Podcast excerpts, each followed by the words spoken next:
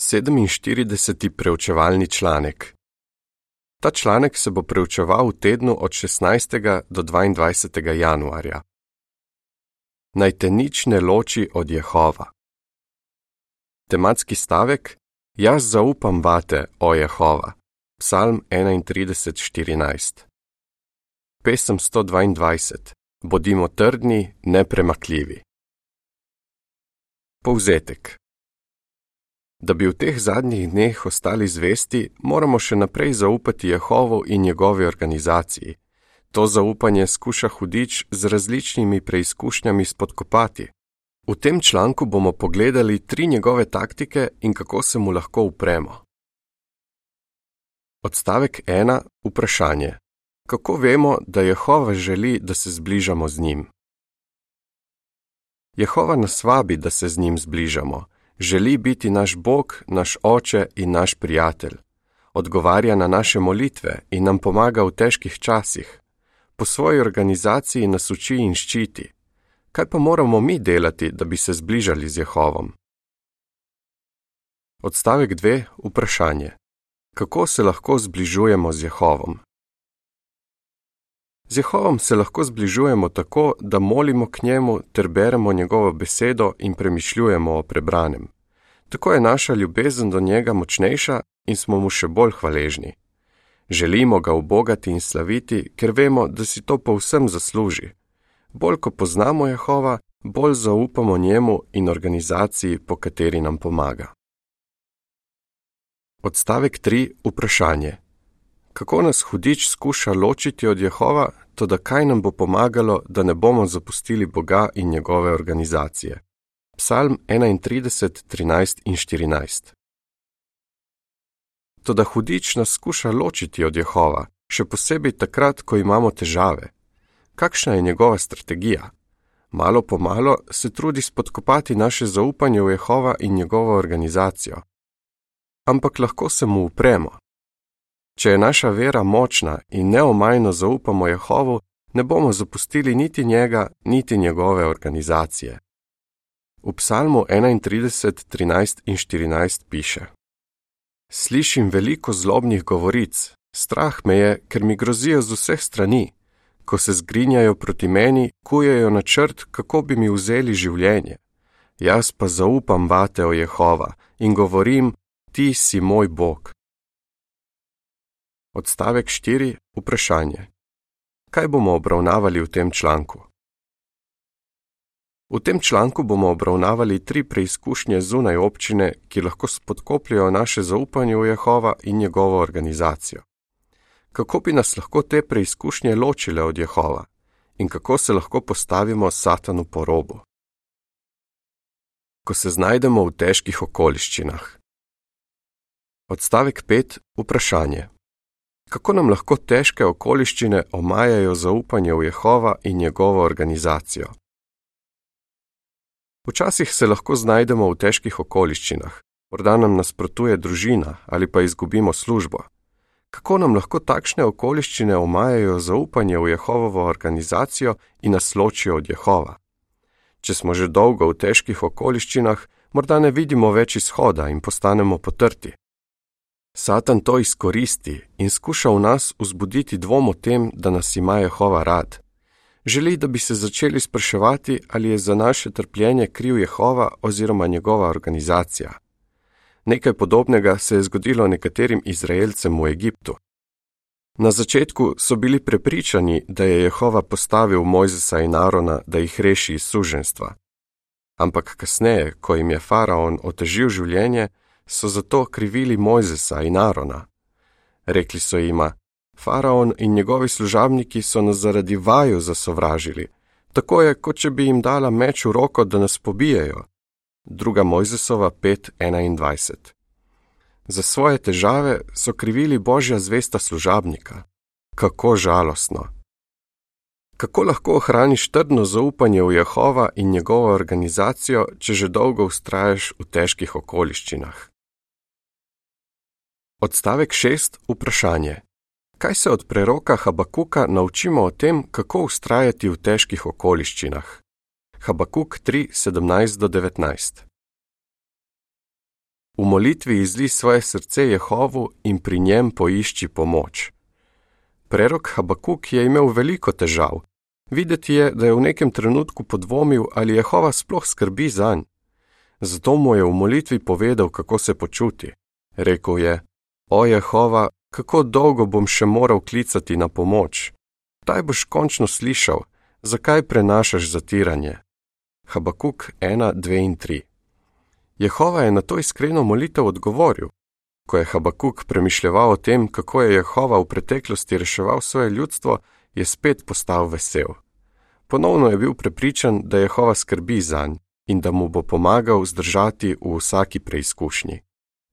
V Habakuku 3:17-19 piše: Tudi če figa ne bo cvetela in na trti ne bo pridelka, tudi če oljka ne bo obrodila in polja ne bodo dajala hrane, tudi če bodo ovce izginile iz staje in v hlevih ne bo živine, se bom vseeno veselil zaradi Jehova, srečen bom zaradi Boga svojega rešitelja.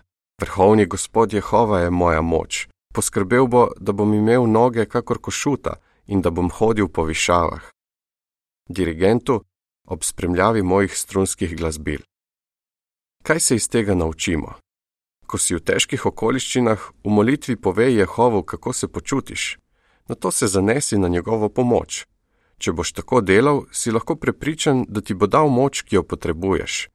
In ko boš čutil njegovo podporo, bo tvoja vera postala še močnejša. Odstavek 7. Vprašanje: Kaj so Šrli želeli prepričati njeni sorodniki in kaj je pomagalo, da ni izgubila vere v Jehova? Ohranjaj dobre duhovne navade. Razmisli, kako je to pomagalo sestri Šrli iz Papue Nove Gvineje, ko je doživljala stisko. Njena družina je bila revna in včasih so s težavo prišli do hrane. Neki sorodnik jo je skušal prepričati, da ne bi več zaupala Jehovu. Rekel ji je: Praviš, da ti pomaga Božji sveti duh, ampak kje je ta pomoč? Tvoja družina je še vedno revna. Z oznanjevanjem samo zapravljaš čas. Šrli prizna: Vprašala sem se, ali je Bogu res vseeno za nas. Zato sem se takoj obrnila k Jehovu v molitvi in mu povedala vse, kar me je težilo. Še naprej sem redno brala svetopismo in naše publikacije ter oznanjevala in obiskovala shode. Kmalo je videla, da Jehova skrbi za njeno družino. Niso bili lačni in bili so srečni. Šrli pove: Prepričana sem bila, da je Jehova odgovoril na moje molitve. Ohranjaj dobre duhovne navade.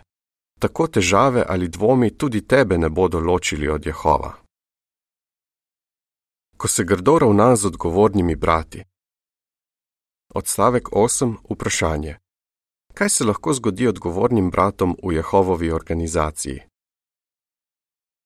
Naši sovražniki po medijih in socialnih omrežjih širijo laži ali napačne informacije o odgovornih bratih v Jehovovi organizaciji. Nekatere brate aretirajo in jih obsodijo kot kriminalce. V podobnih okoliščinah so bili kristijani v prvem stoletju, ko je bil apostol Pavel po krivici obtožen in aretiran. Kako so se odzvali? Odstavek 9. Vprašanje. Kako so ravnali nekateri kristijani, ko je bil apostol Pavel zaprt? Ko je bil apostol Pavel zaprt v Rimu, so ga nekateri kristijani nehali podpirati. Zakaj? Ali so se ga sramovali, ker so ga imeli ljudje na splošno za kriminalca? Ali jih je bilo strah, da bodo tudi sami preganjani? Kakršen koli je že bil razlog, si samo predstavljajmo, kako se je moral počutiti Pavel. Prestal je že veliko hudega in je za nje celo tvegal svoje življenje. Nikoli ne postanimo podobni tistim, ki so zapustili Pavla, ko je potreboval pomoč. Če se ne bi smeli pozabiti, ko so odgovorni bratje preganjani? Odstavek 10. Vprašanje. Če se ne bi smeli pozabiti, ko so preganjani odgovorni bratje in zakaj? Ne pozabi, zakaj smo preganjani in kdo stoji za tem. V drugem Timoteju 3:12 piše: Preganjeni bodo vsi, ki želijo častiti Boga kot učenci Kristusa Jezusa. Zato ne bi smeli biti presenečeni, da so Satanova tarča odgovorni bratje. S svojimi napadi želi zlomiti njihovo značajnost in nas prestrašiti. Odstavek 11. Vprašanje: kaj se naučimo od Oneziforja. 2. Timoteju 1, 16-18. Še naprej podpiraj svoje brate in sestre in jim zvesto stoji ob strani. V 2. Timoteju 1, 16-18 piše: Naj Gospod izkaže usmiljenje Oneziforjevi družini. Onezifor me je pogosto poživil in se me ni sramoval, ker sem uječi. Nasprotno, ko je bil nekoč v Rimu, se je zelo potrudil, da me je našel. Naj mu Gospod Jehova na sodni dan izkaže usmiljenje. Prav tako dobro veš, kaj vse je naredil za me v Efezu. Ko je bil Pavel v zaporu, je Onezifor ravnal drugače kot nekateri drugi kristijani. Pavel je zanj rekel: Nisem me sramoval, ker sem uječi. Onezifor je iskal Pavla in ko ga je našel, mu je praktično pomagal. S tem je tvegal svoje življenje. Kaj se iz tega naučimo? Ne bi smeli pustiti, da zaradi strahu pred človekom ne bi podprli bratov in sester, ki so preganjani. Zagovarjajmo jih in naredimo vse, kar lahko, da bi jim pomagali. Potrebujejo našo ljubezen in podporo. Odstavek 12. Vprašanje. Kaj se naučimo od bratov in sester v Rusiji? Razmisli, kako bratje in sestre v Rusiji pomagajo svojim dragim sovernikom, ki so v zaporu. Mnogi jih pridejo podpret, ko jim sodijo na sodišču. Kaj se iz tega naučimo? Ne prestraši se, ko odgovorne brate obrekujejo, aretirajo ali preganjajo. Moli za nje, pomagaj njihovim družinskim članom in razmisli, kako bi jim lahko še drugače stal ob strani. V pripisu k sliki piše: Čeprav je bil Pavel zaprt, ga je Onezifor pogumno podpiral. Tudi danes bratje in sestre podpirajo sovernike, ki so zaprti, kot lahko vidimo na tej uprizoritvi. Ko se nam posmehujejo. Odstavek 13. Vprašanje. Kako lahko posmehovanje načne naše zaupanje v Jehova in njegovo organizacijo? Sorodniki, sodelavci ali sošolci, ki niso priče, se nam morda posmehujejo, ker oznanjujemo in živimo po Jehovovih visokih moralnih merilih. Mogoče rečejo: Ti si v redu človek, ampak vaša vera je preveč stroga in za časom.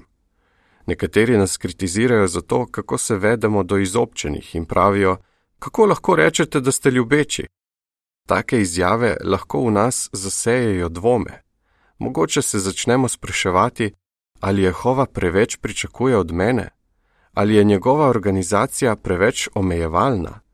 Kako lahko v takšnih okoliščinah ostanemo blizu Jehovu in njegovi organizaciji? Odstavek 14. Vprašanje. Kako naj bi se odzvali, ko se nam drugi posmehujejo, ker živimo po Jehovovih merilih? Psalm 119, 50 do 52. Bodi odločen podpirati Jehovova merila. Job je živel po Jehovovih merilih, čeprav so ga drugi zaradi tega zasmehovali. Eden njegovih lažnih prijateljev ga je celo skušal prepričati, da je Bogu vseeno, ali upošteva njegova merila ali ne. Ampak Job ni hotel verjeti takšnim lažem. Vedel je, da so Jehovova merila za to, kaj je prav in kaj narobe, pravilna, in je bil odločen, da se jih bo držal nisi pustil oduzeti svoje značajnosti. Kaj se iz tega naučimo? Ne dovoli, da bi zaradi zasmehovanja začel dvomiti o Jehovovih merilih. Pomisli na lasne izkušnje. Zagotovo vedno znova vidiš, da so Jehovova merila dobra in koristna. Bodi odločen, da nikoli ne boš zapustil organizacije, ki ta merila podpira. Potem se ne boš ločil od Jehova, ne glede na to, koliko bi te drugi zasmehovali. V psalmu 119, 50 do 52 piše: To me tolaži v stiski, tvoji izreki me ohranjajo pri življenju. Predrzneži se mi zelo posmehujejo, to da od tvojih zakonov ne odstopam. Spominjam se tvojih razsodb iz preteklosti, o Jehova, in v to lažbo so mi. V pripisu k sliki piše: Job je zavrnil laži lažnih prijateljev, ki so ga zasmehovali odločen je bil, da bo ostal zvest Jehovu. Odstavek 15. Vprašanje. Zakaj je bila Bridget tarča posmeha? Razmisli o tem, kaj je doživela sestra Bridget iz Indije. Zaradi vere se ji je njena družina posmehovala. Kmalu zatem, ko se je leta 1997 krstila, je njen mož, ki ni bil priča, izgubil službo. Zato se je odločil, da se bo z njo in hčerkami preselil k svojim staršem, ki so živeli v drugem mestu. Ampak Bridget so čakale še večje težave. Ker je bil mož brez službe, je morala delati polni delovni čas, da je preživljala družino. Poleg tega je bila najbližja občina oddaljena kakih 350 km. Nažalost, ji je moževa družina nasprotovala zaradi njene vere. Okoliščine so postale tako neuzdržne, da so se morali kot družina spet preseliti. Na to je mož nepričakovano umrl. Kasneje je ena od njenih hčerk pri komaj 12 letih umrla za rakom. Kot da to še ni bilo dovolj, so jo sorodniki krivili za vse to. Trdili so, da se nobena od teh tragedij ne bi zgodila, če ne bi postala Jehovova priča. Vseeno je vse čas zaupala Jehovu in ostala povezana z njegovo organizacijo. Odstavek 16. Vprašanje. Kako je bila Bridget blagoslovljena, ker je ostala blizu Jehovu in njegovi organizaciji? Ker je Bridget živela daleč od občine, jo je okrajni nadzornik spodbudil, naj jo zanjuje v svoji okolici in na svojem domu vodi shode. Najprej se ji je zdelo, da tega ne bo zmogla, ampak je predlog vseeno upoštevala. Drugim je oznanjevala dobro novico, na svojem domu organizirala shode in s hčerkami imela družinsko čaščenje. Kakšen je bil rezultat? Vodila je veliko svetopisanskih tečajev in mnogi od njih so se krstili. Leta 2005 je začela redno pionirati. Ker je zaupala Jehovu in ostala zvesta njegovi organizaciji, je bila nagrajena. Njene hčerke zvesto služijo Jehovu in na tistem področju sta sedaj dve občini. Bridget je prepričana, da ji je Jehova dal moč, da je prestala stiske in ustrajala kljub posmehovanju družine. Ostani zvest Jehovu in njegovi organizaciji. Odstavek 17. Vprašanje. Kaj bi moral biti odločen?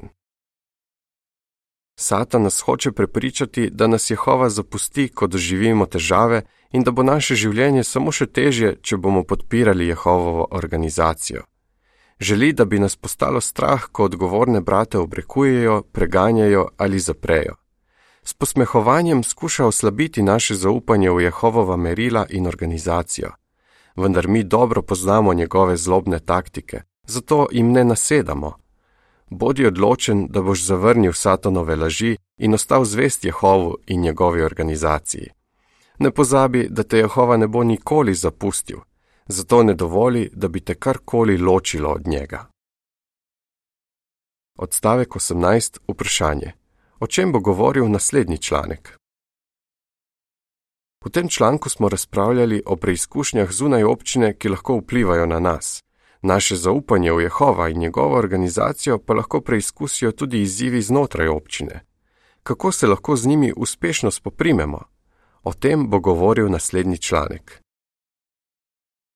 Kako lahko ostanemo blizu Jehovu in njegovi organizaciji, ko se znajdemo v težkih okoliščinah? Se grdo ravna z odgovornimi brati? Se nam posmehujejo?